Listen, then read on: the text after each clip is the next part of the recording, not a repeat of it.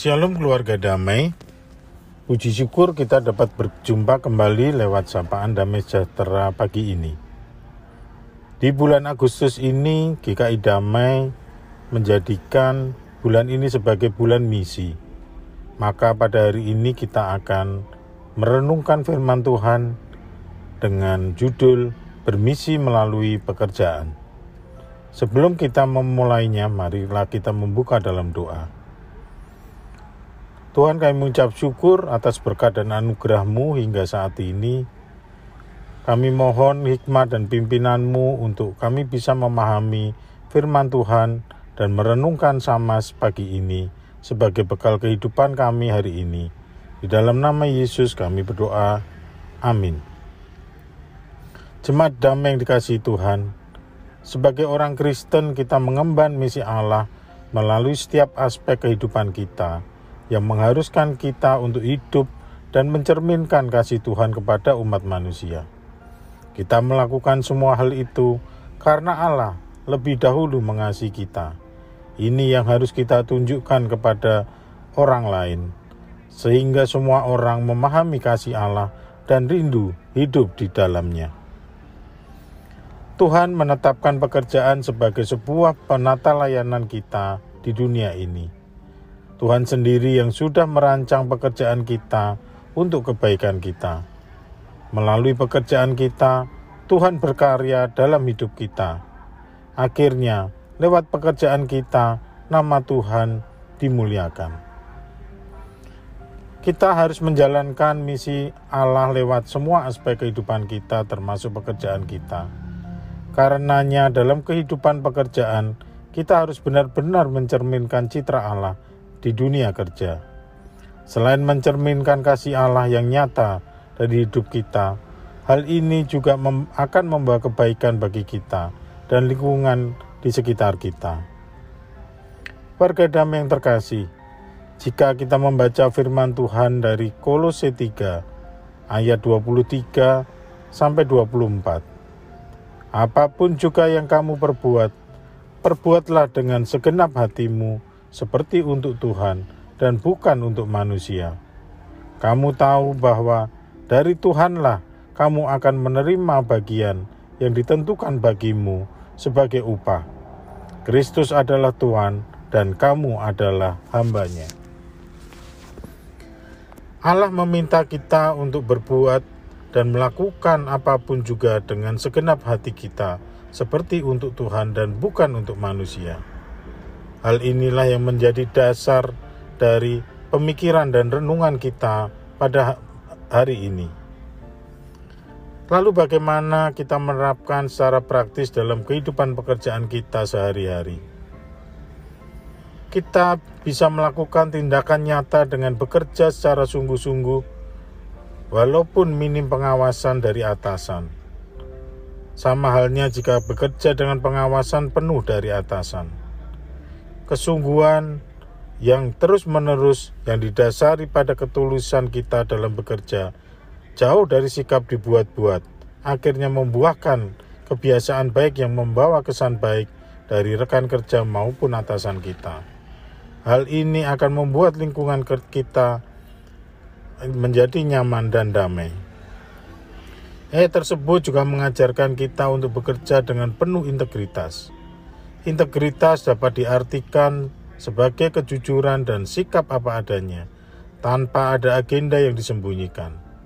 Sikap integritas bisa kita lakukan dengan berprinsip di mana pun Allah melihat dan menyertai kita, sehingga walaupun tidak ada orang lain yang melihat kita, tetapi kita dapat menjaga kejujuran dan ketulusan.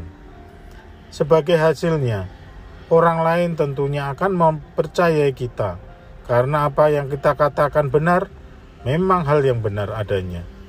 Hal ini akan dibuktikan oleh waktu dan peristiwa yang berulang-ulang dalam lingkungan kehidupan pekerjaan kita.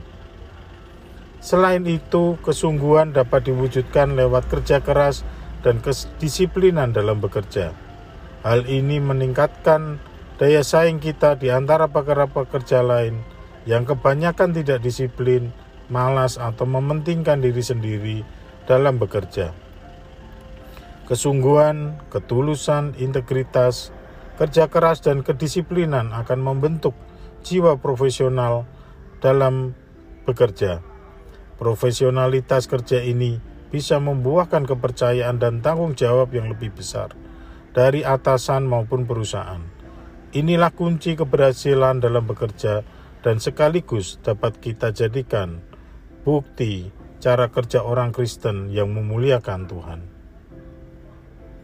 Saudara terkasih di dalam Tuhan, Tuhan juga meminta kita untuk menjadi unggul atas setiap hal yang kita kerjakan. Caranya dengan menjadi ahli atas keterampilan yang telah kita punyai, atau melatih keterampilan baru sesuai kebutuhan di masa datang. Jika kita berlatih dan menekuni keterampilan yang ada, lama-kelamaan kita akan menjadi ahli dalam suatu atau banyak bidang.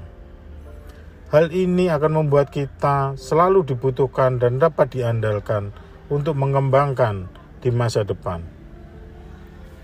Saat ini dibutuhkan orang-orang Kristen yang unggul dan memiliki keterampilan baru sesuai tren di masa datang. Karena kemajuan teknologi internet dan digital akan melenyapkan banyak keterampilan konvensional dan digantikan dengan keterampilan yang saat ini belum kita bisa bayangkan. Jadi, terbukalah untuk belajar hal-hal baru, kuasailah ilmu dan keterampilan baru kita. Berikutnya adalah marilah kita mensyukuri dan mencintai pekerjaan yang telah dilimpahkan Allah kepada kita. Ancaman kehilangan pekerjaan juga menghantui banyak orang, termasuk kita semua. Lapangan pekerjaan memang banyak, namun membutuhkan keterampilan yang sesuai, sehingga banyak orang yang tidak menguasai keterampilan yang sesuai belum beruntung mendapatkan pekerjaannya. Tuhan bisa memakai apa pun menjadi sesuatu yang berharga. Mungkin kita merasa pekerjaan ini begitu-begitu saja, tetapi Tuhan tidak berpikir demikian. Tuhan mengetahui hati kita untuk itu, setialah kepada perkara yang kecil. Contohnya pekerjaan kita ini, maka pekerjaan besar akan dilimpahkan kepada kita. Seperti Amsal 28 ayat 19. Siapa mengerjakan tanahnya akan kenyang dengan makanan, tetapi siapa mengejar barang yang sia-sia akan kenyang dengan kemiskinan. Karenanya kita perlu mensyukuri dan mencintai pekerjaan yang kita miliki. Kita tidak perlu resah dan silau atas keberhasilan orang lain atau enaknya pekerjaan orang lain. Pekerjaan yang baik adalah pekerjaan yang sesuai dengan minat dan kemampuan kita. Jika kita iri dengan pekerjaan orang lain, itu belum pasti.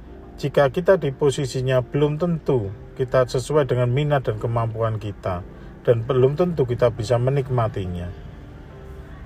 Untuk itu, syukurilah dan cintailah pekerjaanmu.